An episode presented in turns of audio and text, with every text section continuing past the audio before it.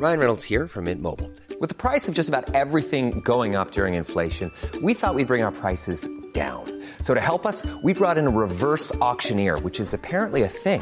Mint Mobile unlimited premium wireless. Ready to get 30, 30, bit to get 30, bit to get 20, 20, 20, bit to get 20, 20, bit to get 15, 15, 15, 15 just 15 bucks a month. So, Give it a try at mintmobile.com slash switch. $45 upfront for three months plus taxes and fees. Promo for new customers for limited time. Unlimited more than 40 gigabytes per month. Slows. Full terms at mintmobile.com. Here's a cool fact a crocodile can't stick out its tongue. Another cool fact you can get short term health insurance for a month or just under a year in some states. United Healthcare short term insurance plans are designed for people who are between jobs, coming off their parents' plan, or turning a side hustle into a full time gig. Underwritten by Golden Rule Insurance Company, they offer flexible, budget friendly coverage with access to a nationwide network of doctors and hospitals. Get more cool facts about United Healthcare short term plans at uh1.com. Det här är Bögministeriet, en gravt homosexuell podcast där ni får följa en grupp vänner som fläker ut sina liv i etern. Det handlar absolut inte om sex. Eller jo, det gör det. Men också en hel del om relationer, känslor, drömmar, frustrationer, ja, helt enkelt om våra liv tillsammans. Hjärtligt välkomna! Bögministeriet, bögministeriet, bögministeriet, bögministeriet, bögministeriet. Perfekt, nu rullar det. Välkomna till bögministeriet. Eh, Jag sitter här med Thomas Karlhed, Hej! en enastående minister. Som Ibland. Ibland. Ibland inte. Och med prästen, författaren och Hunken. hunken, horan. Nej, jag ska, jag ska köra lite Robin-stil här. Nej, eh, Are Norrhava, välkommen. Ja, jag är här. Kul att vara här. Tack. Ja, verkligen. Välkommen hit. Eh, hur länge har vi känt varandra? Det här är ju ett program vi tar, tar hit vänner som Ja, gäster. precis. Alltså, Ja. länge. Ja. 15 år minst, kanske 17. Mm. Gamla är ni egentligen? Ja. Vi har till och med bott ihop.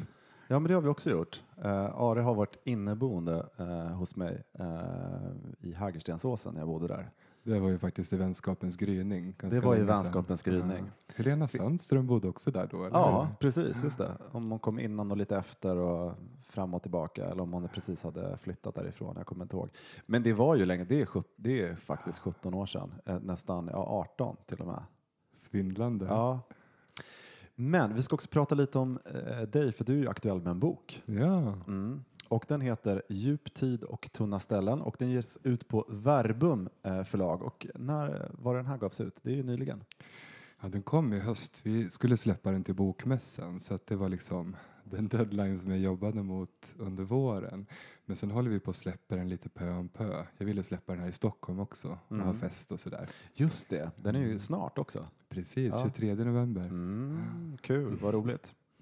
Hur kom det sig att du ville skriva en bok? Det var faktiskt inte min idé utan jag fick frågan. Eh, jag gör ju lite radio och skriver och ute och föreläser lite här och där och så var det en förläggare som kontaktade mig. Mm. Och ska man till ett sånt möte då förbereder man sig, eller hur? Ja, ja, visst, ja, visst. Så jag kom dit med en outline och eh, sen körde vi igång. Jag tror att det tog ett halvår, gick väldigt fort.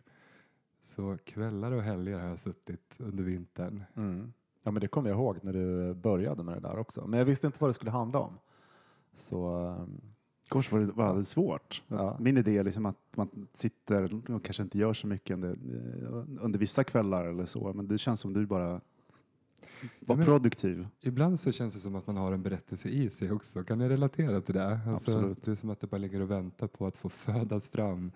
Och eh, det är klart att man sätter en struktur och sådär. Det är mycket som är också hur man berättar, det man vill säga. Men vad jag ville berätta, det fanns nog. Också för att jag är ute och pratar och undervisar och sådär. Så. gud vad spännande. Mm. Det där måste vi gå in lite djupare på. Grötta i. Ja, djup tid och tunna ställen. Vad, ehm, vad är det för någonting? Det är en väldigt svår titel tycker jag. Ska bara stoppa in en snus. Ja. Du hann inte. Johan är så snabb. Ja. Jo, men det, djup tid och tunna ställen, det är två metaforer. Det hör man nästan. Ja. inga direkta beskrivningar. Eller jag hörde inte det. Det känns Men det är tredimensionellt. två metaforer. Djupt tid. Ja, men berätta. Ja, men Eller precis. femdimensionellt. Ja, det är det nog. Mm. Ja, gud, nu började jag. Ja, Så här Förlåt. existentiella kopplar. Djup tid, det handlar om... Alltså, när man pratar om andlighet så kan det lätt bli väldigt abstrakt, eller Mm. hur? Lite airy-fairy sådär. Och jag ville skriva om andlighet på ett sätt som kommer väldigt nära vardagslivet. Alltså Mm. det här som vi går omkring i till vardags. Att andlighet inte behöver vara någonting som är så märkligt eller apart eller ens övernaturligt. Utan till exempel så tror jag att alla har upplevelser av hur tiden har förändrats. Mm. Kan ni känna igen det? Mm. Ibland i ett särskilt samtal till exempel så är det som att tiden flyger iväg och det kändes som ingenting. Mm. Och andra gånger så är man kanske ute i skogen eller man kanske står på ett dansgolv och så förändras tiden. Mm. Den flyger iväg då också. Ja, det gör jag skojar. Ja, men sen kommer du ner igen, Mm. eller hur? Och vad har då hänt liksom med din blick? Eh, djup tid handlar om stunder som förändrar lite hur vi ser på varandra och på världen och på vad som är på riktigt, vad livet handlar om. Men den här boken den är indelad i eh, olika stycken som just har med den här tiden att göra. Kan du berätta om de här? Det är fyra indelningar, eller är det tre? Nu minns inte jag riktigt. Ja. Inledningar. Nej men, ja, säger jag? Säger fel nu? Uppdel, alltså, den är uppdelad boken, förlåt, Ja. det är jag som säger helt knasigt här nu. Precis. Den är uppdelad, du sa med rötterna, stammen av trädet och sen trädkronan, eller? Ja, Jag ja. och cyklar nu.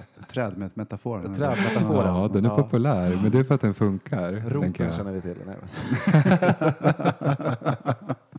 Jo, men när man ska prata om andlighet så behöver man ju metaforer. Jag kan inte använda ett naturvetenskapligt språk då. Det är inte samma sak, eller hur? Till exempel så skriver jag om sanning. Alltså det finns ju saker som är faktiskt sant, alltså som vi kan mäta. Vi gillar ju att mäta i vår tid och definiera. Och det är inget fel med det. Men sen finns det också sånt som man känner är så djupt sant. Alltså det här är verkligen sant för mig. Kanske mer sant nästan Men vad kan det vara för någonting? Ja, jag tänker till exempel på kärleken. Ja, just det. Ja, den kan vi ju inte mäta och den är inte helt lätt liksom. Och samtidigt så är det kanske den som gör att vi känner att våra liv på jorden eh, är värda liksom att levas. Det är det som Dessutom- ger mening och kraft och inspiration. Och dessutom en känsla och en kraft som går genom tid och rum. Exakt. Vilket du kan läsa en bok av någon som har haft kärlek och du kan få den kärleken när du läser den boken. Mm. Precis, det låter som att du har läst boken Thomas. Nej, jag har inte det. Men du pratar i boken om två olika typer av, eh, apropå det här med tid då, som du Mm. nämnde. Du pratar om två olika eh, tidsbegrepp eh, i boken. Ja, det finns ju flera och det här är det roliga när man står i en lång tradition som jag gör då som präst. Att eh, i vår samtid så säger vi, när vi använder ordet tid, eh, så menar vi oftast den här mätbara tiden. Vi möts klockan 17.15 och dricker kaffe. Liksom. Det är praktiskt och bra. Men eh, längre tillbaks i de kulturer då där våra berättelser har tagit form, där hade man fler uttryck. Och det här leker jag lite med. För jag tror att i våra vardagsliv så har vi egentligen fler tidsbegrepp. Som till exempel eh, det som du beskriver Thomas, man drar iväg eller tiden förändras. Men vi har som inga ord för det. Och jag tänker då i en tid som är så också utmattande för många utav oss. Det är kul, stimulerande, men det är också många som inte mår bra utav hur vi hanterar tiden. Då tror jag att det kan vara bra att vidga lite så här, tiden som begrepp. Det där är också en beskrivning som man hör ganska mycket om det här med hur vi lever våra liv och vi, vi har inte vår närvaro och det finns stress och det, det är mycket och vi ska klara av så mycket så här. Men vem ska läsa boken? Vad ska man, vad, vad förmedlas i den här när man har stängt igen pärmarna? Va- Vad ska man bära med sig när man har läst ut den här boken? Nej, men jag, jag hoppas att man blir berörd och eh, jag tror att man också kan få med sig språkverktyg. Det är kanske ett krångligt ord men så här, om jag har ord för någonting. Nej, Bara ibland. varan. Okej, men så här. Om jag inte har ord för någonting så ser jag det förmodligen inte heller. Jag är inte beredd på att det ska komma. Om jag tänker så här, ja det finns tillfällen när tiden djupnar så kanske jag faktiskt känner igen dem också. Och kanske också ja, men breder plats i mitt liv för att det inte bara är den här mätbara effektiva tiden som jag gillar ska sägas. Det är många som är väldigt så här, åh det är så jobbigt nu för tiden. Jag gillar vår samtid. Men jag tror att det blir som ensidigt. Så jag vill skicka med olika sätt att liksom närma sig verkligheten för att jag tror att vi vet precis i våra erfarenheter vad andlighet, vad det som vi kallar för Gud handlar om. Även om det kanske är små glimtar, det här som jag kallar för tunna ställen eller erfarenhet av evighet mitt i tiden. Den klangbotten har människor och det här är liksom en möjlighet att liksom förankra sig i Ja, det. men jag tänker att man kan också göra aktiva val. Jag menar, det finns en rörelse nu där folk går ut och lägger sig nakna i skogen och bara liksom lägger sig ner i mossan och tittar på trädtopparna. Nej, men skratta inte. Ja, det, nej, nej. Det, det finns ett... Jag, Jag såg suget i din blick Ja, men faktiskt. Jag, jag kände det det idag. Jag åt? bara ligger under en gran ett tag. Eh, eftersom naturen är för många människor den där tidpunkten när man är bortkopplad eller är i kontakt med någonting eller släpper saker eller eller man står på Bergans dansgolv. Det är också sådär, tiden förändras, eh, det behöver inte vara Bergen, bara man dansar, liksom att man är in, i extas eller till att man släpper. Så att- Men då kan man säga att den här boken det är ju som, egentligen också då som ett gäng eh, mystiska nycklar i så fall också. För det är det som du pratar om, lite mystik då egentligen. Ja, Det som vi redan kan konkret runt omkring oss och förstår. Men om vi eh, kanske öppnar, som du säger, de här lite glimtarna åt något annat så får vi liksom tag i det som är mystiskt, som inte är det mätbara. exakt. Jag tror att vi vet vad det redan är. Till exempel, jag tycker att RuPaul's Drag Race är ett väldigt andligt program och många som jag har sagt det till i Sverige förstår inte alls vad jag pratar om. Men flera av mina utländska queera kompisar fattar direkt. Förstår ni vad jag menar när jag säger så? Ja, absolut, verkligen. Jag, jag förstår. Han har ju verkligen en kristen grund, RuPaul, när han pratar och det finns mycket budskap i det som han säger som handlar om att eh, eh, älska din nästa så som, ja men du vet alla de här olika, vad ska man säga, budorden finns ju i hans, eh, i hela hans, eh, vad ska man säga, persona i programmet. Eller hur? Det är han, alla hans, vad ska man säga, förslag, riktningar. Eh, också den grejen att, så, att vara som en andlig vägledare, att, att du låter din elev så att säga eh, bli sedd. Det är också en sån grej, att det är egentligen oavsett hur eleven beter sig, så eh, även om Judas finns där inne så ger han eh, eh, liksom vägledning och tar inte till sig. Ja, men han, han, älsk, det. han äl, älskar, älskar fram människor, han älskar fram ja, människor, genom sina rädslor och begränsningar. Men jag tänkte på det du sa Thomas, jag tror att alla människor söker extas på något sätt. Mm. Och då menar jag liksom att, att få uppgå i någonting som är större än en Mm. själv. Och det finns ju sätt att uppnå det som kanske inte är så bra för oss. Mm. Eh, Och så finns det sådana som är kanske mer bra för oss. Men att jag tror vi hittar sätt att göra det. Dans är jättebra.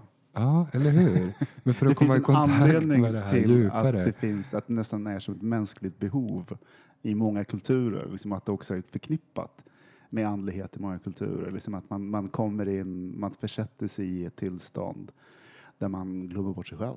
Mm. Jag tror att den dimensionen är jätteviktig. Det är egentligen därför jag skrivit boken. Mm. Och att jag skriver om RuPaul's Drag Race, det handlar också om att, som du säger Johan, många av hans budskap är verkligen så här äh, kristen grundteologi, men han är också en mystiker.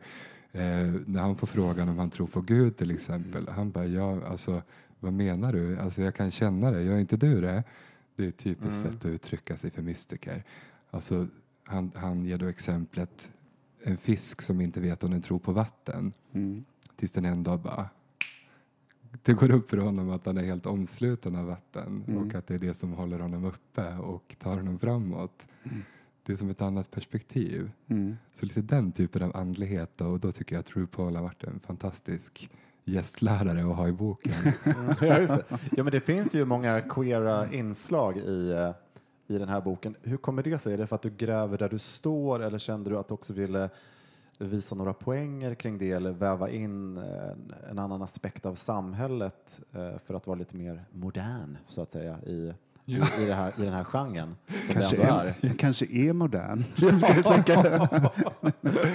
ja, Ja, nej, men faktiskt det är precis som du säger att jag har försökt utgå från mina egna erfarenheter och erfarenheter omkring mig för att annars blir det inte intressant tänker jag om jag berättar Mm. om någonting som låter bra utan jag använder mitt eget liv skamlöst i den här boken Mm. och eh, inte för att berätta om mig men för att berätta om det som är större.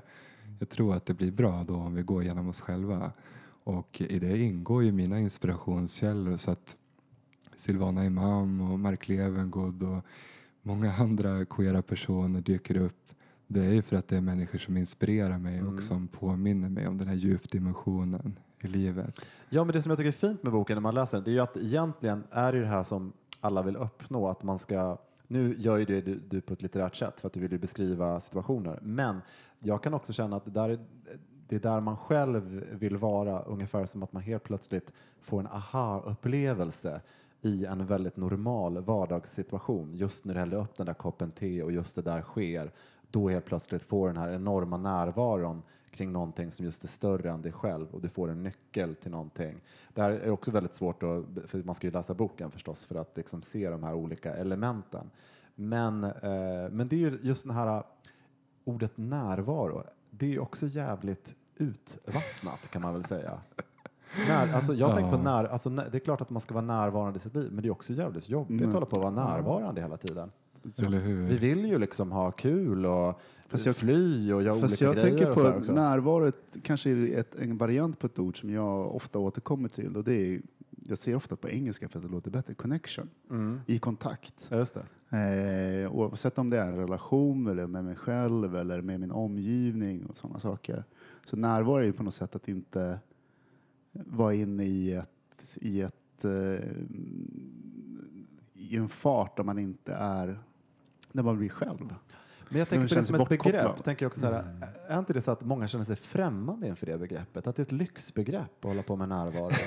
ja. men på riktigt, men Ja. faktiskt. Ja, men så Men, här, vet ni vad jag tänker? Att Åka på om, meditationskurser och liksom hitta... v- Ja. Det är ju en viss grupp i samhället tycker jag som gör sånt. Man kan ligga Verkligen. naken i skogen också. Bara. Jo, men, det var nytt för mig, det här med att ligga naken i skogen. Jo, men jag tänker på den, den grejen när det blir så här begrepp som blir ett operativt begrepp med olika saker du ska göra. Så att Så det innebär en resa, det innebär liksom... Eh, Så är det, finns ju en väldig kommers kring andlighet också och det tänker jag är här en ständig balansgång. Men när du säger kontakt Thomas, det är ett ord som jag använder allt oftare också. Jag tycker att det är bättre. Jag skulle nästan ha skrivit kontakt istället för närvaro. Men jag använder ju när, närvaro istället för att säga ordet Gud och det är väl kanske ännu mer belastat för många människor och funkar inte riktigt på så sätt att det kanske stänger en mer än vad det öppnar en. Och då pratar jag om en närvaro i vår närvaro Mm. när jag pratar om det som är större. Men återigen, eh, det är klart, men jag, kommer ju själv från glesbygden och en ganska så här, mm. ja, men folklig miljö så att det här är ju Ja, ja, vad ska jag säga? Visst, jag berättar om när jag bor med buddhistmunkar i, i Burmas skog och sådär.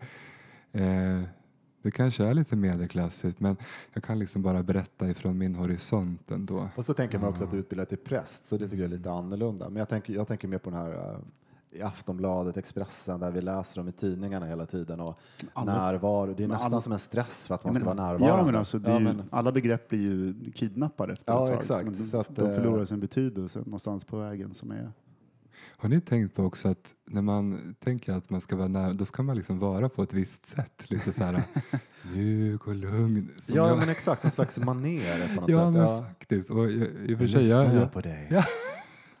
jag hamnar nog ofta där. Det är nog lite så, här, så mitt naturliga läge är. Men jag kan också känna så här, man kan ju vara hur närvarande som helst tror jag på dansgolvet på Berghain eller naken i skogen. Eller så här, man kan hitta närvaron och vara i rörelse eller man kan vara väldigt glad eller sådär. Jag tror att det kan bli lite tvingande också. Nu ska vi vara närvarande, då ska vi prata på ett särskilt sätt. Förstår ni vad jag menar? fast det låter lite som någon, någon som tar en meditationskurs för första gången och tänker att, att meditation är något sätt, tillstånd som man ska ställt sätta sig i. Som man måste tänka och vara närvarande i tillståndet. Det är precis när man kommer i tillståndet när man släpper det som man blir närvarande. Att det, blir liksom, det är ingen läxa man ska göra. Och det är den det är största, uppgift. största eller, utmaningen. kan... Ja. Jag är ju meditationslärare och också leder en grupp varje måndag och är det något som är en utmaning så är det att vi är alla så inne i att vi ska prestera allting själva. Så en av de största utmaningarna som lärare, ledare, det är ju liksom att skapa ett rum där vi påminns om att det är liksom inte en prestation.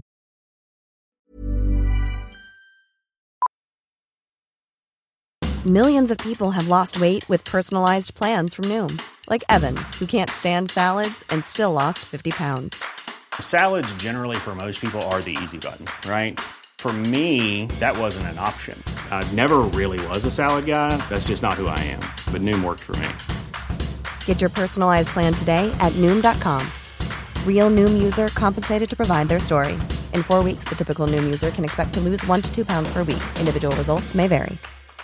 If you thought the only way to get a more defined jawline with natural looking results was through surgery, think again. Juvederm Volux XC is a non surgical injectable gel filler that improves moderate to severe loss of jawline definition and can help you achieve natural looking results with little downtime. Even better, this improved definition lasts up to one year with optimal treatment. No maintenance required. Improve jawline definition for a smooth, sculpted look with Juvederm Volux XC. For important safety information and to find a licensed specialist, visit juvederm.com. That's J U V E D E R M.com. Not for people with severe allergic reactions, allergies to lidocaine, or the proteins used in Juvederm. Common side effects include injection site redness, swelling, pain, tenderness, firmness, lumps, bumps, bruising, discoloration, or itching. There's a risk of unintentional injection into a blood vessel, which can cause vision abnormalities, blindness, stroke, temporary scabs, or scarring. Talk to a licensed specialist to find out if it's right for you. Life is full of awesome what ifs, and some not so much, like unexpected medical costs. That's why United Healthcare provides Health Protector Guard fixed indemnity insurance plans to supplement your primary plan and help manage out of pocket costs. Learn more at uh1.com.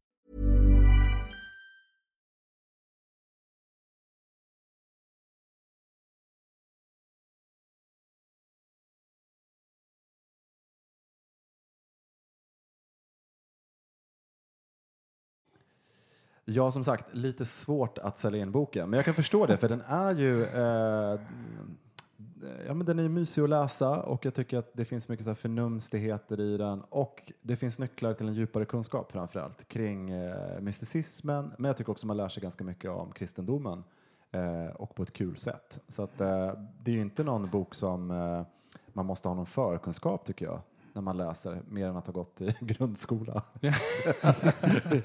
Den, den är bra så att man kan läsa och sådär. Ja, man kan Det läsa. kommer en ljudbok också men det är Ja. inte riktigt där ännu. Nej, det. Ja men precis och så här, jag pratar om sånt som är egentligen, alltså djuptid och tunna ställen är jättegamla begrepp och jag tycker att det är spännande att liksom gå mellan samtid och hur människor har försökt att navigera sina liv förr, för flera tusen år sedan. Mm. Eh, en del saker är jag väldigt glad att vi har lagt på soptippen, annat behöver läggas på soptippen och annat kan vi faktiskt eh, få med oss in i våra liv på ett sätt som jag tror är bra.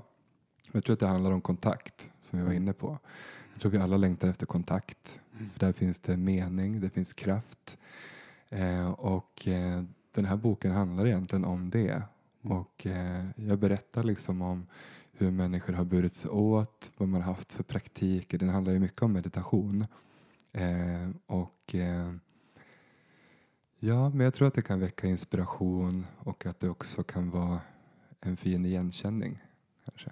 Mm. Någon slags öppenhet tror jag är bra att ha för att läsa. Jag, jag tänker liksom, det är jag redan sålt så att jag ska läsa den nu. Så att det, är- men det, jag tänker att eh, kontakt och gemenskap. Eh, jag läste en artikel idag i DN. Det är en årets text för mig som är, nu kommer jag inte ihåg. Vi ska lägga ut, jag kan lägga ut den på, på sidan Ja, men det såg jag precis nu innan vi skulle börja idag. Att du lagt Ja, men alltså det här, vi har en analys skölja? av varför vi är i polariseringens tid och sådana saker, liksom våldsdådet i Pittsburgh och så vidare. Eh, och den här artikelförfattaren, en amerikan Eh, som jag inte kommer ihåg namnet på, tog upp också bristen av gemenskap och eh, mening.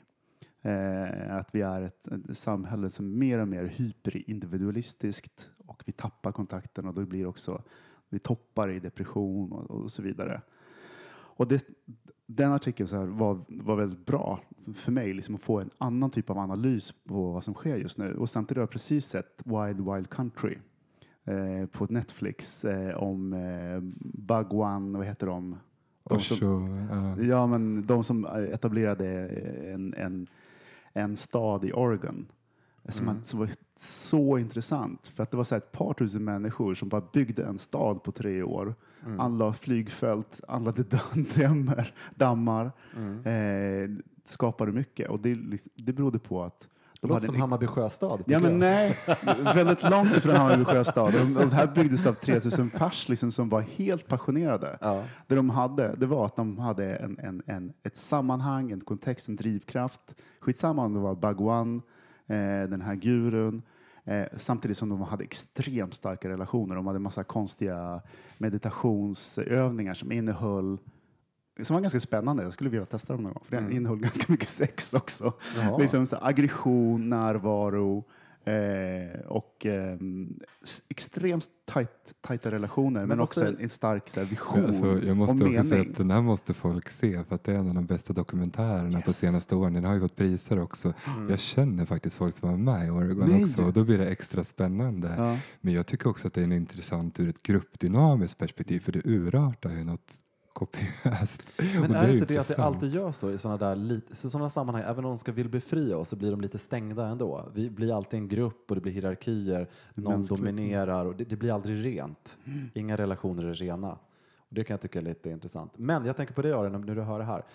Ja, eh, vad tycker du om den, den biten att det, all, det känns ibland som att det blir svartvitt? Mm. Antingen så ska vi vara, är vi det här någon slags eh, som någon barnbok med där man ritat upp något stackars barn i en urban djungel, eller liksom går bland betong mot naturen. Vad är liksom, eh, varför måste det bli extremt? Eh, två extrema beskrivningar som två svartvita bilder. Kring, alltså, Ja. det är det jag tänker, liksom, what's the middle row? Liksom, de som inte känner igen sig i det här ens, för det första, men sen också, är det en sann bild överhuvudtaget? Nej, alltså jag är väldigt skeptisk mot dualism. Alltså när det blir så här svartvitt, antingen så ska det vara liksom full on into the wild eller så ska det vara liksom eh, motsatsen. För jag tänker så här, utmaningen är ju att hitta en balans mellan motsatserna. Icke-dualism kallar jag det för i boken. Men att eh, till exempel så när vi pratar om vad som är ytligt och djupt. Jag kan tycka att det blir alldeles för generaliserande för ofta så har jag fått kontakt med någonting djupare i sånt som skulle kunna beskrivas som ytligt. Jag berättar till exempel i boken om en skönhetstävling i Söderhavet som jag var på. Det var sex timmar lång och då personer som tillhör det tredje könet i den kulturen. Helt fantastiskt. Alltså vilka klänningar och mullbärspapper. De födde nallebjörnar på scenen. Eh, och det här är en integrerad del av deras kultur. Och så hålls den här på en katolsk skola. Det sitter tre nunnor i juryn och förra årets skönhetsdrottning. Folk så här, typ kastar pengar och liksom tjuter. Och Så det var som ett groteskt eh, vad Man man säga, skulle- race i en Almodovar-film, Ja. så att säga, fast i Söderhavet. verk- på steroider. Och det kan ju låta så här ytligt med en skönhetstävling. Men för mig så, så här, försatte det mig i tillstånd av förundran. Den här världen, det här är liksom... Nej, men det är också med den kontexten om det var ett, på, ett, eh, på det stället. Det Ja. känns ju bara massa kärlek liksom, på ett sätt. Vad var, Men jag- yt, vad, vad är ytligt då? Inte, vad, vad, vad ytligt? Men jag, jag tänker så här att eh, det finns ju i, när vi pratar om skönhet och underhållning och så, såklart som du var inne på en stor stark industri eh, som också faktiskt inte är bra för oss som gör att många unga mår dåligt och sådär. Och samtidigt så är det också så att eh, Eh, då pratar vi om avarterna av de bitarna. Men jag menar att där finns det också portar till det som är större. Alltså Drag Race, när jag såg det första gången tänkte jag, men gud, vad är det här? Det, jag tyckte att det kändes faktiskt ytligt. Men sen tittade jag lite till och bara wow. Och kände att det här verkligen handlade om de stora existentiella frågorna. Om människor som så här, gör något nytt och vackert och det som var tungt och smärtsamt. Det blir inte andligare än så. Eh, men förstår ni att så här, det som lätt kan avfärdas som ytligt kan i själva verket ofta vara djupt tycker jag. Jag tänker att det finns överallt. Men jag tänker att du också har de, de glasögonen på dig hela tiden. Vilka? De, inte de existentiella glasögonen. Att du ser saker. Det är lite som Matrix efter ett tag, att man ser mönster eller man söker det i alla situationer också. Så Om man man kan träna Mm. upp den blicken så kanske man kan se det eh, enklare också. Det tror jag. Och vet du vad? Det uppfattar jag att meditationen gör för mig. Alltså när jag Mm. får kontakt med djupdimensionen genom att sitta mycket. Så när jag går ut då från kyrkan eller meditationslokalen så tycker jag att verkligheten blir lite annorlunda. Jag blir mer uppmärksam och liksom tycker att världen är lite finare och mer meningsfull. Eh, Så att jag tror absolut att blicken kan bli känsligare och att det kanske blir lättare att upptäcka det på oväntade ställen. Men alltså, jag kan också tänka så här, vad är det, en ytlig fråga, men vad är det vi ska upptäcka? ja, men, nej, men, fa- men, ja, men, på, ja, men, Du måste sätta på de här glasögonen. Du Ja, måste men- ja, träna men- upp ja, men- ditt existentiella Jo, men, blick. ja, men, vad- ja, men om man faktiskt tänker på det, för jag tänker på att vi har ett psyke eh, där vi har liksom glädje, ilska, olika drivkrafter, det är sexualiteten, det är mycket knas som pågår och det är massa, det är splittrat åt olika håll. När man då går ut som en filbunke från den här meditationen och Mm. tittar på världen och tycker att den är lite finare, vad har det för, liksom, eh, vem gagnar det så att säga? Ja, men gud, jag tyckte det var en jättebra fråga och inte alls ytlig. För att eh, nu blir mitt svar mycket tydligare. jag menar egentligen inte att det bara blir så allting blir fint. Herregud, livet går upp och ner. Det, allt är inte så fint. Men jag tänker så här, alltså när jag får kontakt liksom, med någonting som jag tror då djupare i mig, det är inte alla som räknar med det, då tror jag att det händer någonting med mitt sätt att möta dig också. Mm. Och att eh, jag kanske så här, faktiskt hör vad du säger till exempel. Mm. Jag som jobbar som präst och sitter mycket i samtal. Jag kan tänka att det känns, det känns faktiskt som en brist i vårt samhälle att en människa lyssnar på en på riktigt. Mm. Eh, tyvärr alltså. Och jag tror att det är någonting som vi längtar efter. Mm. Och det är väl kanske där, alltså att man kommer i kontakt, när jag är i kontakt med mig. Dels finns det ju allt det här i oss också som vi brukar kalla för egot liksom. Jag, mig, mitt liksom. Mm. Det är inte jättenice för andra att vara kring. Ändå är vi ju där ibland. Mm. Men eh, jag tycker att det är jättehärligt att vara med folk som hör vad jag säger. Ja, men visst. Men jag tänker det. också, nej, men, det handlar väl också att om man backar ett steg så kanske man ser saker från ett lite annat perspektiv. För mig, rent egoistiskt, så handlar det också om att det blir meningsfullare. Mm. Men det är ju flummigt på ett sätt. Det är svårt. Ja, men på riktigt är det ju faktiskt det. Alltså det är så här, Nej, det är väl om, du, om du meningsfullt. försätter dig i en känsla. Ja, ja, men jag förstår det. Men, men det är du, väldigt du, du, skapar, du skapar ett lite annorlunda perspektiv. Ja. Så, så är det klart att det händer saker i ditt Men- psyke. Nu måste vi ta fram mätstickan här. Nej, Ja, nej. tycker jag. Jag ser, ser att jag krafsar i fickan efter den nu. Kan du följa med Are på meditation någon kväll? Ja, jag ska göra det. Ja, kom. Jättefin gemenskap. Ja. Nej, men närvaro. Praise the Lord. Nu tar vi en jingel.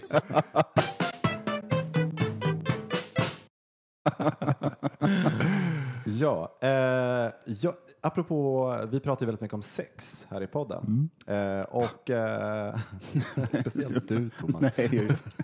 jag hade faktiskt en liknelse med att vara närvaro på ytliga ställen.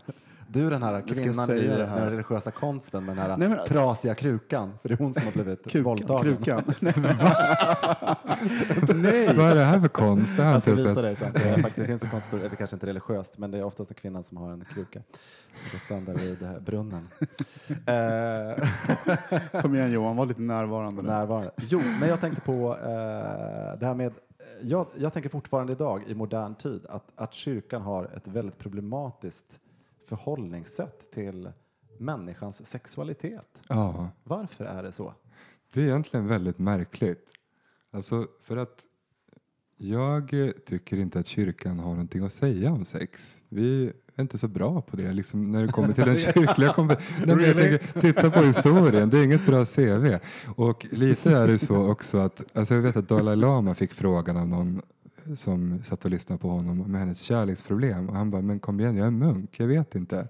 Det här får du fråga någon annan om. Ja. Och liksom Jesus då, som är central för mig är ju en person som pratar ingenting om det men däremot pratar han jättemycket om vänskap och community eller gemenskap. Så där tycker jag att vi i kyrkan faktiskt är bra på att skapa gemenskaper och sådär. Men hos oss också har det blivit väldigt fokus på liksom just eh, kärleksparet liksom. Och jag menar det är underbart eh, i sig men jag tycker att vänskapen har hamnat så efter när det egentligen kanske är den som i många människors liv liksom är en otrolig kraftkälla. Så att nej, jag tycker inte, jag tycker att vi ska överlåta åt sexologer att prata om sex Mm. som har utbildning på det. Amen! Fast det är så konstigt egentligen. Men eh, på ett sätt ändå också att det blivit den värsta, efter årtusenden eller århundraden av, av sexuellt förtryck, att det blir den värsta, att det är så stort intresse kring det nu under, under, under en tid. Mm.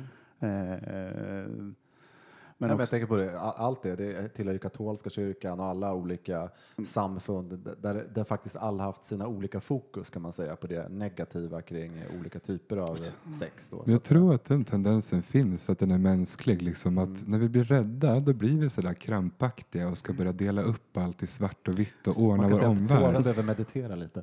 ja, fast det är ju också, nej men det handlar ju om makt. Nej, men alltså det handlar ju om liksom, eh, vad man kan styra. Det så ju liksom äktenskap och sådana saker, Mm. Anseendet varit väldigt kopplat till eh, vem man gifter sig med, liksom vad, man, vad man har ett umgänge med och, och hela den biten. Mm. Och sexualiteten kan uttygla. Den Nej. har inga gränser. Den liksom, du blir kåt på den du blir kåt på. Mm. Såklart så har det funnits liksom kyskesbälten och liksom att försöka strama kring eh, åt det där för att det har funnits en väldigt så här patriarkal struktur som Det är klart, det är en drivkraft inom oss. Vi har också, det är samma sak som med ilskan. Bara för att du känner dig arg så klappar du inte till folk. Och det är samma sak med, med kåtheten. Bara för att du känner den så behöver det inte betyda att du Jo. ska agera på den. Den behöver ju ett slags ramverk. Annars skulle vi bara vara drifter på två ben, även om du... Nej men så är det ju. Alltså, det är lätt också att säga, säga, låta sexualiteten bli någon slags separat mystisk eh, Mm. sak också. Det är en drift som, precis som mycket annat inom oss. Så att säga, jag tror förstås. att det är otroligt kopplat till din, in- din inre frigörelse. Nå- om du inte, det klingar ju av efter ett tag. Mm.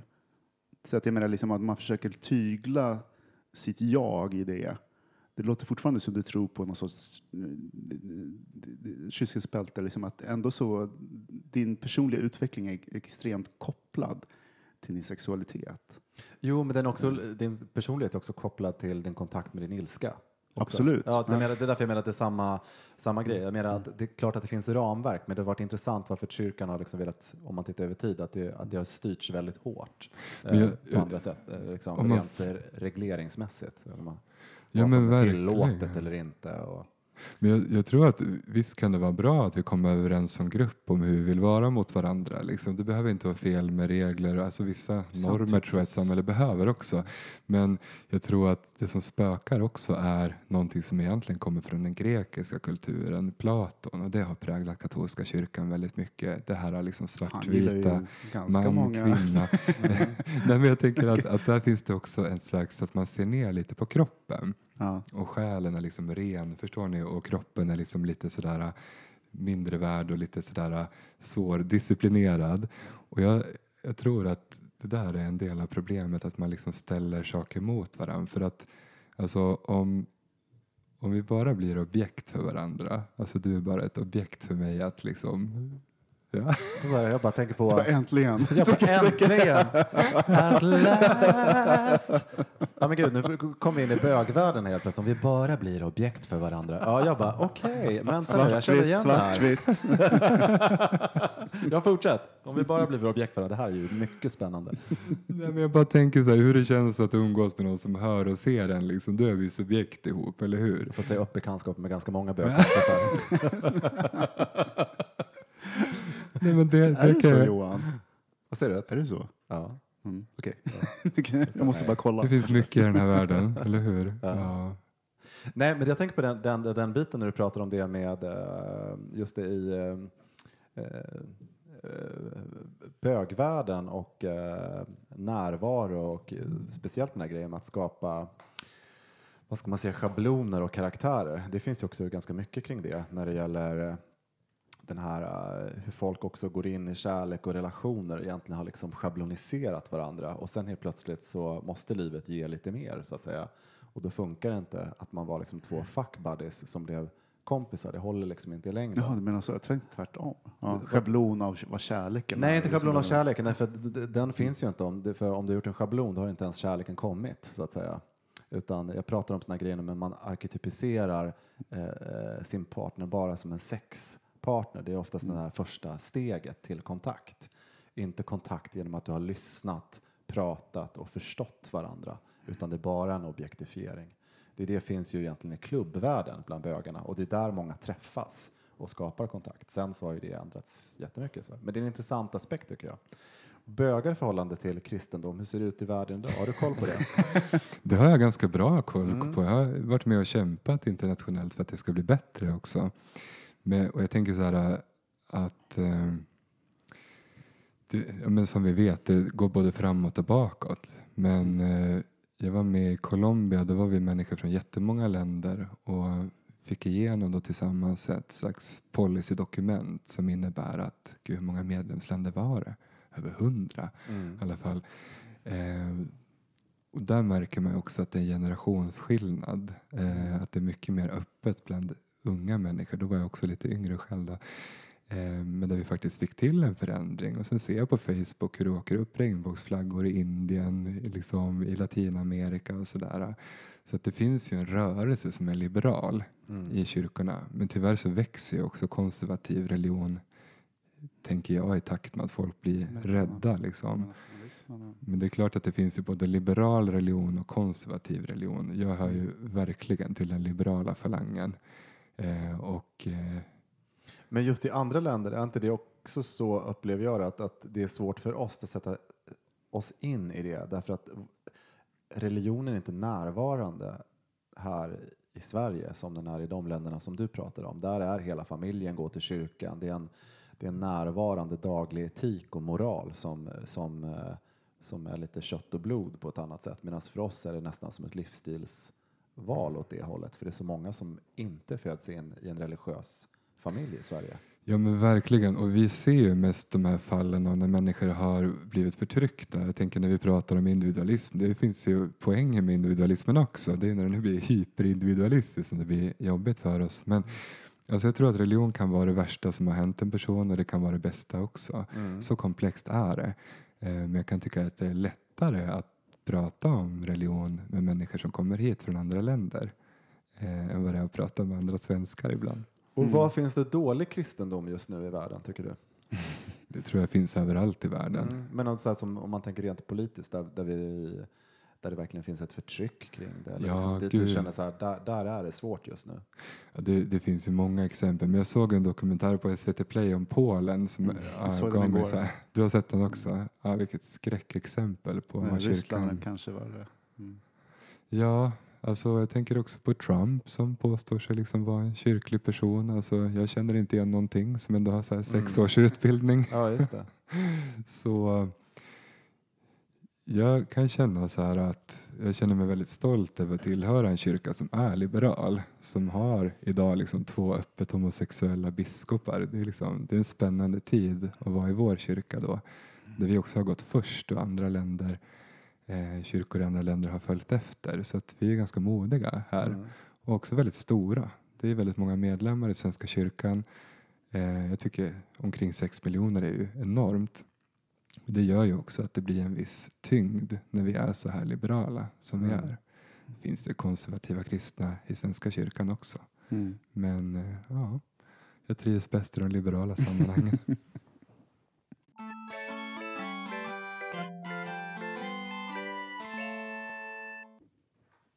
Vad är jag, sa du? Nej, men du är så, liksom, så här exekutiv ikväll. Du bara, ja, men det är trevligt att vara exekutiv ibland. det är trevligt. Var lite Ja. närvarande. Kom i kontakt med oss. Någon måste vara Oprah. Någon måste vara The- Oprah. the trigger- Someone has to the trigger super warnings, soul. like. Eh, eh, är det någonting själv Ari, som du tänker på när det gäller, eh, för det här är ju ändå en bögpodd. Är det Mm. någonting som eh, du har tänkt på kanske senaste tiden eller senaste året som du liksom tänker på kring eh, bögar, bögkultur tillsammans med religion eller någonting så som kommit spontant när jag nämner det? Ja, oj, inte spontant sådär kanske någon tydlig tanke, men det är klart att jag tänker på det. Mm. Eh, men någonting som jag tycker är lite kul är att det känns som att många bögar, kanske framförallt i större städer i andra länder, typ London och New York, kliver fram som så här andliga lärare. Jag följer en, en kille på Youtube som heter Jordan Bach till exempel, som jag tycker är så himla bra, så insiktsfull och eh, så härlig. Eh, det tycker jag är kul, eh, för att jag kan känna lite så här eh, att eh, Men när man pratar om religion och homosexualitet, jag är lite trött på det här om man ska acceptera och så vidare. Så här, men nu kliver vi fram och så här berättar saker som är viktiga Mm. för oss och vågar ta lead. Liksom. Mm. Det längtar jag efter. Och jag tror att också för våra generationer nu som har alla rättigheter eh, och också så här, men kanske i alla fall 30 plus och så. Mm. Att eh, kanske blir vi lite mer existentiella. Så att, men jag skulle tycka det är spännande om det blir mer av åtminstone andlighet i queera sammanhang. Eh, och även en sån där klichén som jag tar upp också, för den är ju inte helt sann. Det är också en svartvit bild just med ytliga bö, liksom bögar, att det finns där. Men, men eh, tycker du att någonting har förändrats där? Du, du pratar om det, att man stiger fram med de med olika i andra. Men här i, här i Sverige, finns det någon Finns det några här? Finns det någon? Ja, du finns ju här. Du har dina meditationer, Ja. klivit fram. Men, men eh, vad är tendenserna här? Finns det liksom andlighet, bögar, sökande och Alltså det som är lite speciellt med Sverige också är att det är ju ett väldigt liberalt land. Och till exempel nu ska vi ha eh, sända en livepodd i min kyrka som heter Gud i drag. Och det är liksom, jag tror inte att någon lyfter på ögonbrynen. För det är som ingen, inte en fråga som människor går omkring med. Utan det är mer som att det finns inget uttalat regnbåget för att man har en sån självklar del i gemenskapen. Eh, så jag tror att också det att det faktiskt har hänt så mycket så blir det kanske mindre synligt just så här uttalat queerandlighet. Men jag kan tycka att det finns spännande erfarenheter som vi delar med varandra för att vi är bögar eller så här, tillhör hbtq-gemenskapen eh, som jag tycker jag har med, liksom, med hur vi Ja, och där kommer andra grejen till, för det är ju lätt att liksom, jag menar, när vi sitter och pratar, det är lätt att vara självkritisk och man tar upp, man har också rätten faktiskt att ta upp eh, andra, eh, andra aspekter. Men istället för att komma till kyrkan eller komma till din meditation, om man sk- inte ska titta på sig själv som bristfällig och tänka på de positiva aforismerna kring Mm. sig själv, vad tycker du att man ska fokusera på då som en homosexuell man i vårt samhälle? Vad, vad ska man liksom ta tag i inifrån så att man inte bara går till din meditation eller till kyrkan bara när man känner att, att jag är bristfällig eller jag saknar någonting eller så här. Vad finns det inom oss? Eh, Men vet du, om jag går till mitt eget liv så tror jag att eh, det är en stor missuppfattning att allt vi har att komma med till varandra och i den här världen har med liksom det vi är bra på att göra. Jag som hbtq-person brottas mycket med skam och en väldigt hård inre kritiker. Eh, när jag har kommit till sammanhang där jag har fått jobba med det och känner så mycket mindre skam idag har gjort mig mycket friare. Det ger ju mig en slags empatisk ingång till andra. Alltså om man vet hur det är när livet är tufft så tror jag också att man kan vara en person som kan vara fin för andra och ha omkring sig. Förstår ni? Att så här, är inte det och- lite svaret också på det här närvaron du pratade om? Jo, men jag tror världen som lite finare, att få kontakt med sig själv, att komma bortom skammen kanske då? Ja, för det som händer när du sätter dig ner, i alla fall så här lång tid som jag gjorde i buddhistklostret, är att då kommer ju saker i fatt som jag har sprungit från och inte velat känna. Alltså jag har dövat mig själv på olika sätt och inte pallat, för det är tuffa processer. Men mycket kommer faktiskt ifatt mig på meditationskudden där och eh, så här i efterhand kan jag känna thank God, liksom, för att det har ju eh, jag känner liksom att en andlighet som liksom bara bypassar det som är jobbigt i våra liv tror jag kan bli kanske lite, ja men faktiskt på ytan. Men om den går genom våra liv och verkligen så här, att vi tar, då tror jag att det kan bli jätte, jättekraftfullt. Så att jag tror att är en bra plats att börja på. Jag kanske här stanna upp och börja gå till sin egen erfarenhet. För en andlighet som bottnar i sin egen erfarenhet, det är ju en auktoritet som du har. Det är din liksom. Därifrån kan man ju också så här, hitta en gemenskap och ett språk med andra. Och då kan man ju börja Du kallar förändra saker. någonting i den här boken med, eh, ja, ska man säga, det här med när, när andlighet blir någon slags konsumtion, eller hur ska man Ja. Nu minns inte jag riktigt. eh, Det här med att när andlighet blir någon slags quick fix. Ja. Utan någon vad, vad är det för någonting då? Vad är skillnaden där? Nej, men där har jag hamnat många gånger alltså, och jag tror att man kanske börjar där ibland liksom, alltså på, i formerna. Liksom. Alltså, jag kanske så här, har en idé om vad som är andlighet. Jag minns när jag var tidiga 20 och åkte på en så här 10 dagars meditationskurs och hade egentligen inte mediterat särskilt mycket i min vardag så att jag hade en egen praktik. Alltså, jag inser ju nu att jag åkte dit med jättehöga förväntningar och skulle liksom fixa mig själv. Jag rymde efter tre dagar. Satt på Statoilmacken med en kaffe och ett wienerbröd och kände mig så misslyckad. Och jag menar, det kan jag tycka är just sådär att jag liksom att jag inte bottnar. Men man Nej. måste få misslyckas. Då lär man sig också jättemycket. Så, ja. Ja, för jag tänker ett, ett tips eller råd, eh, om man nu kan ge någonting sånt. För jag, eh, nu samlar ihop alla de här bilderna som Mm. finns och det vi har pratat om också. Då är det ju så här, åh, du har den här stressade människan som inte har någon kontakt med sig själv och det är massa svåra saker som pågår. Hur ska jag hinna det här? Då tänker jag att det inte är så lockande att tänka sig att man ska gå ner och sätta sig och gräva fram sitt gamla skit också. Mm. Förstår jag menar? Att det blir som Men en det ond cirkel. Ja, men alltså det- vad, vad, hur, det uppmu- låter hur uppmuntrar man en sån Nej, men det person? låter ju som du liksom sätter upp någonting på ett to-do-list. Det här handlar ju Jo, mer om det är det att- jag menar att det är det Ja, man alltså, gör. Det, Det det, det handlar väl mer om att lyssna på ett behov eller att man Alltså det känner... man inte kan. Alltså det det Nej, men jag förstår det. Men vid något jäkla tillfälle under, under ett, ett års tid så kanske du- det sveper förbi en känsla Mm. som där känner att...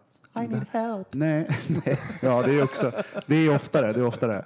Nej, jag menar inte, inte I need help-rösten, utan mer så här att man sveper förbi att mm, det här var mysigt. Det liksom Ja. finns ett sug. Det är Ja. liksom inte så att det är en Fast jag to-do. tänker, jag tänker lite, jag, nu tänker jag också kanske lite, nej men jag tänker faktiskt på den grejen att, att om man, jag, jag har inte haft det på det där sättet som de, de här trebarnsmamma eller tvåbarns, det finns ju klichébilder av den här, den stressade stadsbon eh, på det sättet. Jag, jag kan tycka att det finns två olika saker, men om man har det svårt på riktigt så kan det ju vara väldigt skrämmande Mm. att känna att man ska gå och plocka fram, för då har man ju inte, egentligen kan man ju säga att man inte har kontroll, förstår jag menar? Man har inte Jag tycker, redskapen. jag tycker inte att alla ska åka iväg tio dagar för då kan det bli som det blev för mig. Och saken är den att också innan man åker sådär till ett kloster så får man fylla i väldigt mycket papper. Så att liksom, Mm. vi är på olika punkter och några av oss har det tuffare. Men jag tänker att så här, jag jag tror inte att alla ska meditera, liksom. det finns olika vägar men en fin grej kan ju faktiskt vara att sitta med någon som kan lyssna på en, lite som RuPaul gör, älska fram en. Liksom. Och det gör man genom att faktiskt lyssna och eh, se en person. Det är någonting som jag tycker är fint med Svenska kyrkan, att man kan komma gratis på samtal och framförallt bli hörd. Liksom. Men kanske också så här, börja sovra lite. Många människor kanske går i terapi, det kan vara en relation, en förebild. Jag tror det händer på jättemånga olika sätt. Jag bara så här, i boken berättar om det som har funkat för mig, det som det jag kan berätta om. Eh, och då har jag också valt att berätta om det som varit svårt för mig. För att annars känner jag att jag, det blir en sån här Instagram-andlighet där jag bara visar min framsida och hur, förstår ni? Jag känner så här, Du om bara, det ska ja. vara på riktigt så Johan Ja, ja. nickar frenetiskt. Ja. Den framsidan hör ni. Har man sett ett par gånger. Ja. Ja, men jag tror verkligen att andligheten finns överallt. Som du sa Thomas, att det finns, men vad sa du, men typ att det finns öppningar. Ja, men någon gång. Inte den andligheten Ari. Um, Kontakt, öppning, framsida. Nej men att det, någon gång så, så nuddar man det och då kanske man ska liksom få sugas med lite i det eller utforska det. Ja. Så här. Men jag tycker så här, homosexual, homosexualitet och andlighet är ganska intressant på flera olika sätt eftersom det är en ganska ytlig värld. Och att den, har ju varit, den har ju varit hyperindividuell eh, under en ganska lång tid och att någon gång tar det ju slut. Liksom. Vad tar slut? Jag menar alltså Alltså- bekräftelse, Ja, det, ja. att det, liksom, det blir tomt efter ett tag. Mm. Du sa, har ni läst Eat, Pray, Love? Ja. Eh, hon sa ju att hon bara I've never seen a real life change that didn't begin with a person getting tired of their own bullshit. Alltså det är, jag tror Johan också brukar lägga ibland, upp det på Facebook så här, en gång om året. nej, men ibland kommer man fram till en punkt som du är inne på tänker jag, så här, men jag blir inte mätt av den här bekräftelsen, det är någonting annat. Men jag tänker så här, visst det finns säkert mycket ytlighet också. Jag har varit bartender också innan jag blev präst, sett mycket av världen. Men jag kan tänka sig att det som ni har gjort med bögministeriet tycker jag är liksom ja, lite av det här vi pratar om. Alltså ett community av vänner som pratar om livet på ett transparent sätt. Jag tror många känner sig mindre ensamma där ute som lyssnar på er. Mm. Och, eh.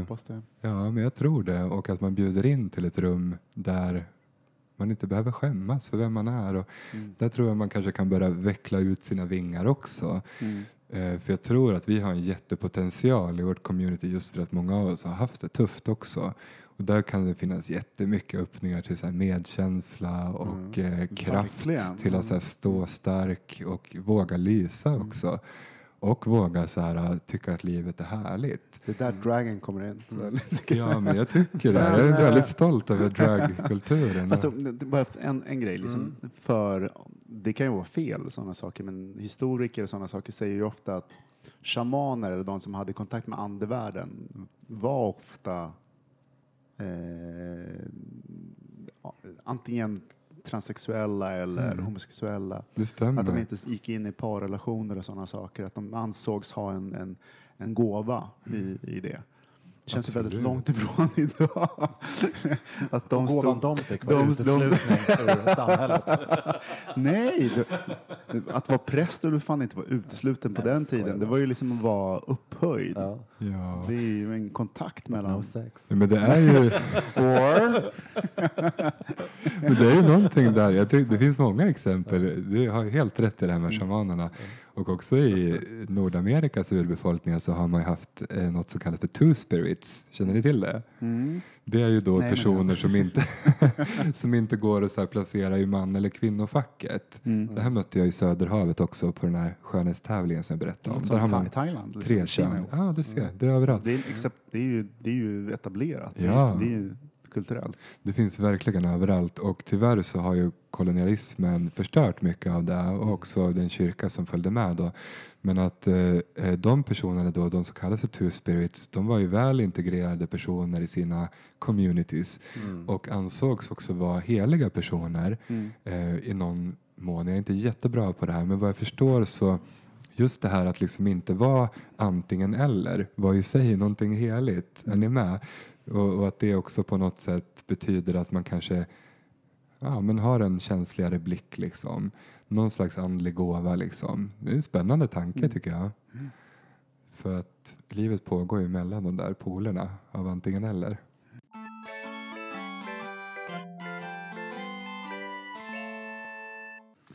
Ja, vi ska ju snart köra lite fägle gag, för det har väl du förberett idag Thomas? Ja. Ja, vad trevligt. Skippar Men jag tänker vi kan inte prata med en präst utan att liksom täcka in eh, tre... Prästkåpan. Ja, men faktiskt. Det tycker jag. Man måste ändå liksom... Eh, ja, faktiskt. Det är ändå... Det är inte varje dag vi har en präst i programmet. Mm. Eh, och då skulle jag vilja eh, att du pratar eh, lite kort. Det här är liksom det, spontant. Jag ger dig begreppen Mm. och eh, du ger en eh, kort förklaring helt enkelt.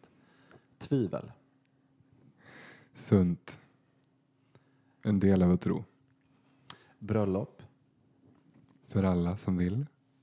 Döden. Vi pratar för lite om den i Sverige. För jag tänkte att det är de här de sakerna som ingår i kyrkan. Liksom. Vi har tvivlet, vi har bröllopet och vi har också döden, det existentiella. För nu pratar vi väldigt mycket om det som handlar om hur vi ska uppleva oss själva i, i närvaron eh, kring oss själva som individer. Vi pratar väldigt mycket om flera sakrament. Ja, men hyperindividualiteten tänker jag på som vi pratar väldigt mycket om. Det här med att, och då tycker jag meditationen, det här att hålla på att tänka kring sig själv och så. Men det som vi, eh, det är också en väldigt individuell ritual. Om man tänker på den här filmen Fyra bröllop och en begravning så är det nå- någonstans eh, i ett äldre samhälle så var ju liksom rollerna ganska givna. Eh, och då tänker jag på den artikeln som du pratade om, man känner sig lite lost, du har ingenting att göra och helt plötsligt så måste då en grupp människor åka och bygga en stad för att de, de ska känna glädje. Eh, är inte det där vi står idag då? Liksom att den här hyperindividualiteten på något sätt är vårt stora... Liksom, hur ska vi liksom, vad, hur ska vi göra för att komma åt det? Det kan ju inte kyrkan lösa. Till exempel. Eller, jag menar, så här, det är ju, eller ingen kan, alltså hur... Se om jag hängde med nu på den här Ja, vågen. Fast det är väl inte kyrkan, det är väl ett behov? Nej, nej, nej, men, Vi, det är väl vi som skulle säga Nej, men alltså, jag tror inte att det är så enkelt. Liksom. Det är inte ett politiskt beslut eller att någon har liksom politisk nivå förstått det där. Men, Säg men, frågan igen Johan. Nej, men det är ingen fråga riktigt, utan det är en ut, utläggning kring Mm. den delen att, att, att förut var det, det var givna riter, givna Mm. roller. Vi pratar inte om att det är rätt, i det, men i det här liberala samhället när vi har liksom ingenting då att ta på Mm. och alla har bara sig själv att tillgå. Det är ju som en enorm, det är liksom narcissismens högborg Mm. när man blir låst i sig själv. Eh, och sen ska man också söka svaren inom sig själv Mm. eh, och, Och meningen. och meningen inom sig själv. Alltså det är en enorm inlåsningseffekt i det. Men jag- tror där igen på en mellanväg, för det här som vi pratade om i Oregon, där ser vi en urspårad grupp. Och Mm. eh, jag kan tänka Fast så här... spännande- spännande. Spännande. Nej, men- Och mycket sex som du Ja, det var intressant. Men det, det som är fint där med att vara en religion som har funnits så länge är att man också lär sig lite av sina misstag i bästa fall. Och att liksom, Mm. Det kan jag tycka att, att vi i kyrkan är rätt bra på att skapa sunda grupper. Mm. Och jag tror att ofta så räcker det väldigt långt att vara i ett bra sammanhang. Ibland är det sammanhanget som är problemet. Apropå också i vårt Mm. queera community att vi bygger nya familjer eller kompletterar. Mm. Men att man skapar en gemenskap som är bra, liksom, eh, som faktiskt befriar människor och stärker människor. Och då tror jag att sånt som meditation och bön då, som vi kallar det, eh, alltså när jag tar hand om mig själv så är det lättare för mig att ta hand om andra också.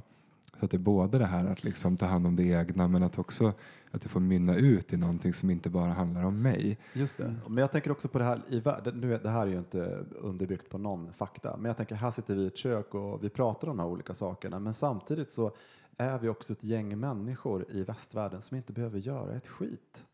Förstår du vad jag menar? Vi behöver inte göra någonting. Vi har, det, en, det finns en värld där ute där alla håller på att plocka vårt ris, syr våra kläder och här så, så någonstans den här grejen mellan att också utföra någonting för, för, eh, för, för dagen, det här till exempel att städa, ta hand om sitt hem, alla de här sysslorna som också fanns förut som, eh, som handlade om kroppsarbete, att dela någonting, dela något.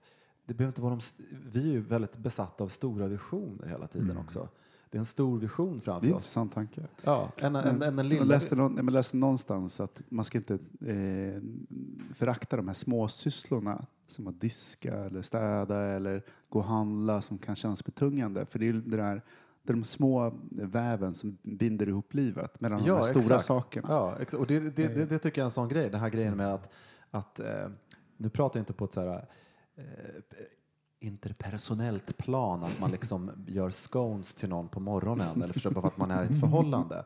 Men det är faktiskt en syssla, om en omsorg om vardagen, att ta tillvara på vardagen. Måste. Ja, men, men det, vi har kommit längre och längre ifrån det. Vi går och köper vårt bröd på det här speciella bageriet. Det här är inte en konst, jag tänker inte ur ett konservativt perspektiv nu, att det skulle vara nu ska vi gå tillbaks till det gamla.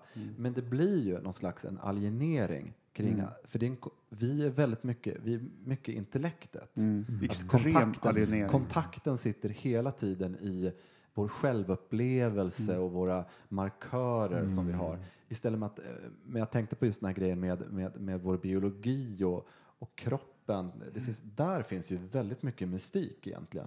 Absolut, men jag tänker det lustiga här i Sverige också är att vi, så här, vi har en bild av att vi inte är särskilt så här, religiöst präglade eller kristna men mycket av det som ni säger nu är så här klassisk luthersk teologi. Alltså jag tänker det som du säger Thomas, att liksom de här små sakerna, att det är där det händer.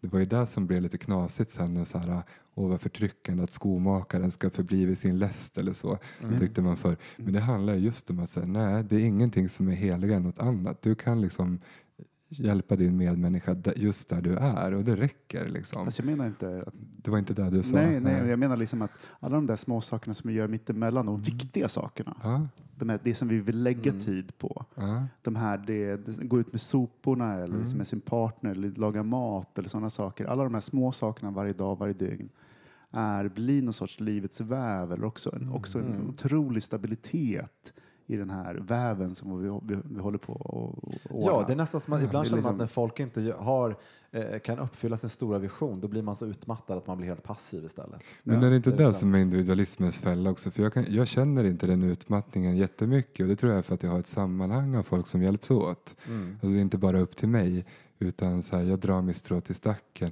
Jag tänker som nu då, under allhelgonahelgen liksom, och alla själars dag när många går ut och tänder ljus. Alltså snacka om varje litet ljus som blir så många och påminns vi alla som går dit om att ah, vi är många som saknar och sörjer människor. Mm. Eh, det kan jag Snart är tycka det- är väldigt... Snart är det dags. Ja, men faktiskt också. Det gör ju också någonstans jag att livet blir, livet blir väldigt viktigt. Men, men just att så här, att, eh, nej men tänk vad vi hänger ihop på djupet liksom. Mm. Det är, eh, det kan jag tycka så här, gör ju någonting med min outlook. Eller Mm. så här, alltså det kan jag tycka är poängen just med communities. Att också så här, komma lite ut ur sitt egna liksom. Mm. Och eh, upptäcka igen och igen att lyckan stod inte i att bara undvika friktion i mitt eget liv och bara ha det gött. Utan Mm. Meningen händer liksom i relation till andra, i de små sakerna, liksom, de här små handlingarna. Mm. Men också om man är många kan man ju förflytta berg om man verkligen vill. Mm. Jag måste inte göra allt själv, jag behöver inte bli lamslagen av ansvaret. Liksom. Nej. Och det är antitesen mot i eh, RuPaul's Drag eh, Race också, det individualistiska när man säger I officially had it. Och det förstår jag menar att man också egentligen, det är väldigt mycket jag som person. Det är ju den andra delen i det. Jag kan tycka RuPaul också lär dem att bli en grupp samtidigt, att lyfta det individuella perspektivet. Men samtidigt att den här gruppen, de ska lära sig att älska varandra genom skammen och smärtan som alla bär på istället för att projicera det hatet hela tiden. Verkligen. Amen. Amen. Gag eller gag? Nu är det fag eller gag. Ja, du vet du vad fag eller gag är? Berätta, hur gör man? Ja, berätta. Thomas, du får berätta. Okej, okay. fagga eller gagga? Ja. Nej, men fag, det är att det fag är positivt och gag är negativt av någon anledning. Jag vet inte. Vissa tycker att det är jättepositivt. Eh, och eh, om man tycker någonting är bra så säger man ju fag eller dåligt gag. Och hur, vi lå- inte hur göra låter ljud? fag? Ja. Nej, man ska göra ljud. Ja, men precis. Eh, eh, vad skulle jag göra? Fag? Ja. Och gag? Och gag? det är väldigt, ja, inte så Vilken tråkig charmigt, gag. men, eh, men that's how we do it. Okej, Thomas. Okej, Är du redo? vad tycker eh, ni om eh, alkoholfria alternativ? Ja, vad kul. Jag upptäckte det mer och mer. Det syns inte ikväll, men det är liksom så här. Varför? Ja, men gud, det är jätteviktigt. Man ska kunna gå ut utan att dricka. Mm. Jag tänker mig att, att det faktiskt blivit mycket goda alternativ. Eh, alltså det finns den här Mick eller eh, liksom ölen, är jättegod. Drack den idag till lunchen. Vad heter det, sa du? Så här, Mi- Mikkeller tror jag det heter. Ja, Mikkeller. Ja, det är i alla fall ett märke. Nej, men det har blivit mycket, mycket goda sorter som man Mm. inte dricker bara för att det skulle vara alkoholfritt. Utan det finns mycket som är gott som är alkoholfritt. Nej, men det Ja. bara tog en, en mental note Ja, exakt, för att jag har liksom blivit en stor konsument av alkoholfri öl. Ja, ja men eh, faktiskt. Ja, men för att, just för att man ork, orka Orka löpa linan orka, ut. orka, Orka liksom, med så- backdoor. orka staka. Orka med Så King Kong. Orka med Nej, går jag ut, ut så, Moxie. så, Orka så med kan, den som det finns längre. nej, men går jag ut, ut så, så är Orka det sällan att... Eh, Bitch. Okej, nu får du ta en Mickel, Johan. Lugna ner dig. Vad tycker ni om eh, Thailands jul? Jag är lite såhär, I don't care, Så här, but I lite, like it lite så dåligt anyway. samvete. Precis så, lite dåligt samvete. Ja, Ja, Varför? det var du som sa det. ja det. klimatet. Och, alltså, det är klart att det, det tänker man ju på. Men eh, Jättemycket. ja, Fast jag gör faktiskt Ta det. tåget. Men vart, vart i Thailand åker du? Jag tycker Bangkok är jätteroligt. Tempataha. Nej, Tampong! det har jag aldrig varit. Roliga barer där. Senast var jag där och eh, gick på Crossfit gym och hade jättekul. Träffade folk från hela världen. Eh, ja, nej men alltså seriöst, det är ju så med klimatet, vi måste skärpa oss. Men eh, var och en får göra sin ekvation liksom. Just det, det var ju någon som gjorde ekvation här på Facebook häromdagen i och med att om man är som bög inte har barn. Såg Så, ja, exakt, 56 exakt, då 000 kan man ton ja, per år. ja, Så det är bara att köra. jorden så kan jag känna så här, go and buy those tickets. Nej, då. fly baby fly. Vad tycker veckans bögministrar om Gay Ski Weeks? Vad är det? Alltså Gay Ski Weeks, alltså skidveckor i eh, Alperna. Åres Gay Ski Week eller Ski weeks. Ah, i Norge heter det Tjejveski. jag Det måste har jag varit på. prova det andra ljudet. jag gillar inte snö och kan inte åka Inte skidor alls. särskilt bra heller. Nej. Men vad är du från? Hälsingland? Ja, Mm. jag borde kunna, eller hur? Jo, Ja. jag kan. Jag kan. Jag bara tycker det är mäckigt. Härjigt med snö. Nej.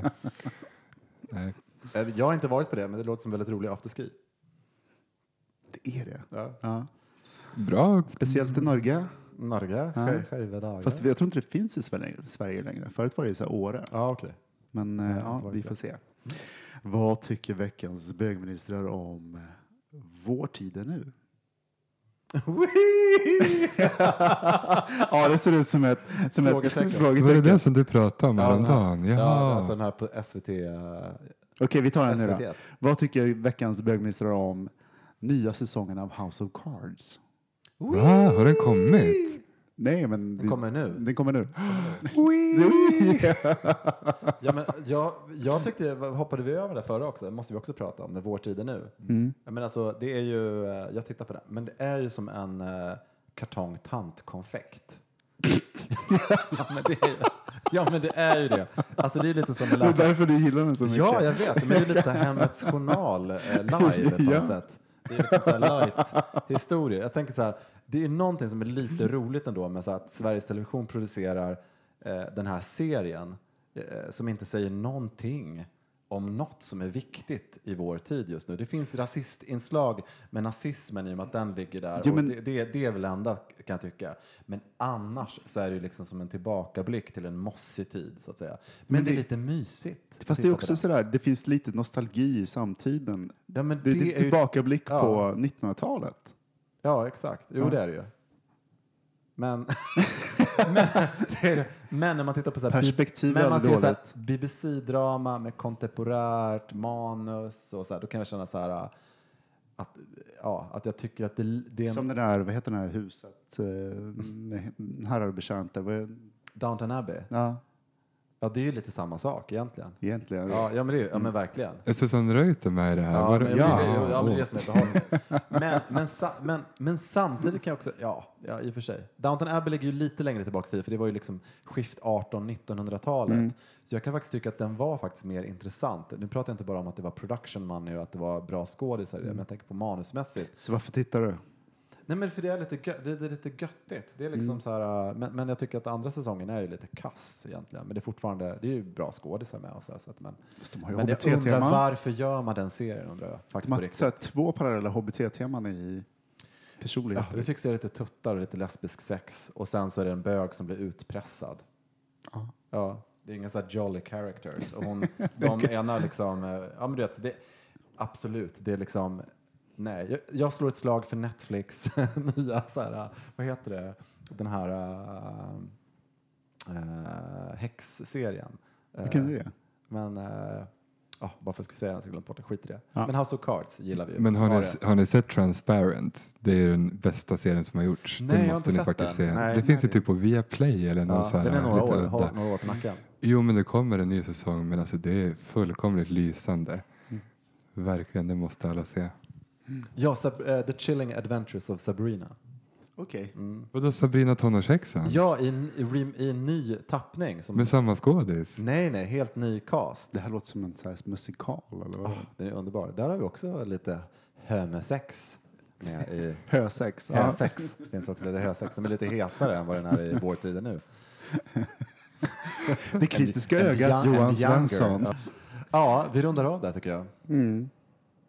Så mycket sagt och så Mycket mycket, som inte var, blev sagt. så mycket djup och så många tunna ställen har det.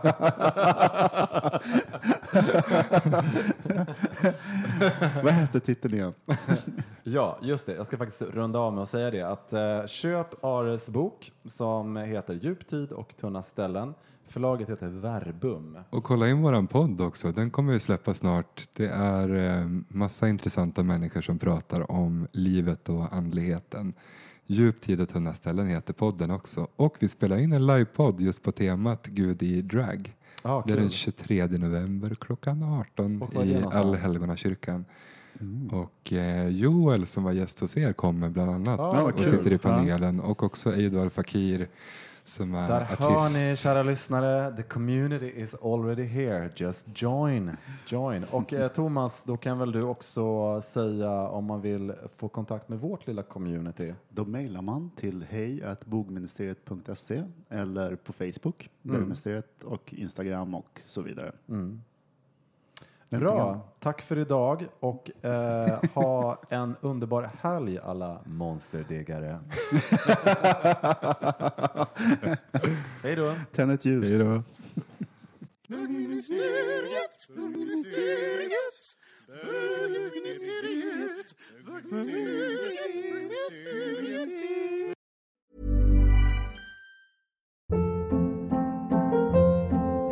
Hold up. What was that? Boring. No flavor. That was as bad as those leftovers you ate all week. Kiki Palmer here, and it's time to say hello to something fresh and guilt-free. Hello Fresh. Jazz up dinner with pecan-crusted chicken or garlic butter shrimp scampi. Now that's music to my mouth. Hello Fresh. Let's get this dinner party started. Discover all the delicious possibilities at hellofresh.com.